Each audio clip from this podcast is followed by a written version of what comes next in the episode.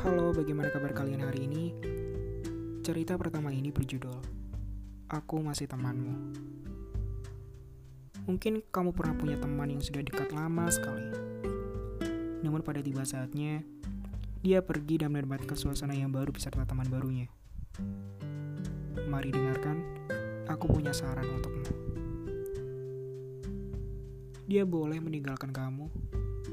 Dia boleh kok merantau ke seberang pulau dia juga boleh sendirian menikmati segalanya. Kesedihan, kebahagiaan, apa-apa saja yang dia rasakan. Tidak harus lagi mengadu kepada kamu. Dia boleh bercinta, dia boleh memilih dan mencintai kasih. Tinggal pilih sesuka dia saja siapa yang layak mendampinginya.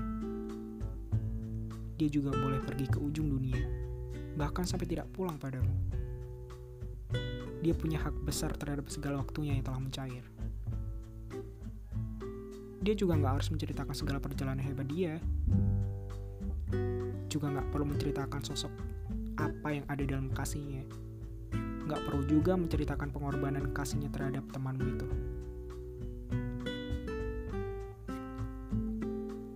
Tapi ingat,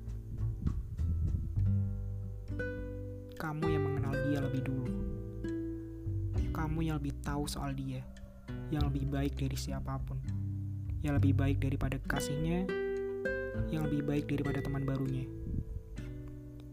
yang pernah memberikan ramuan kehidupan yang lebih tulus tanpa mengharapkan apa pun.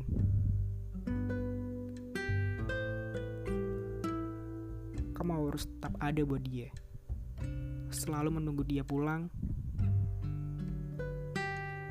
selalu siap mendengar ceritanya kapan saja.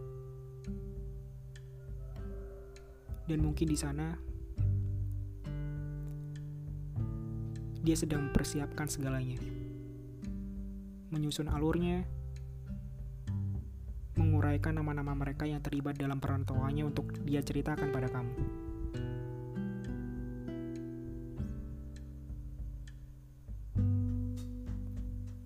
Doamu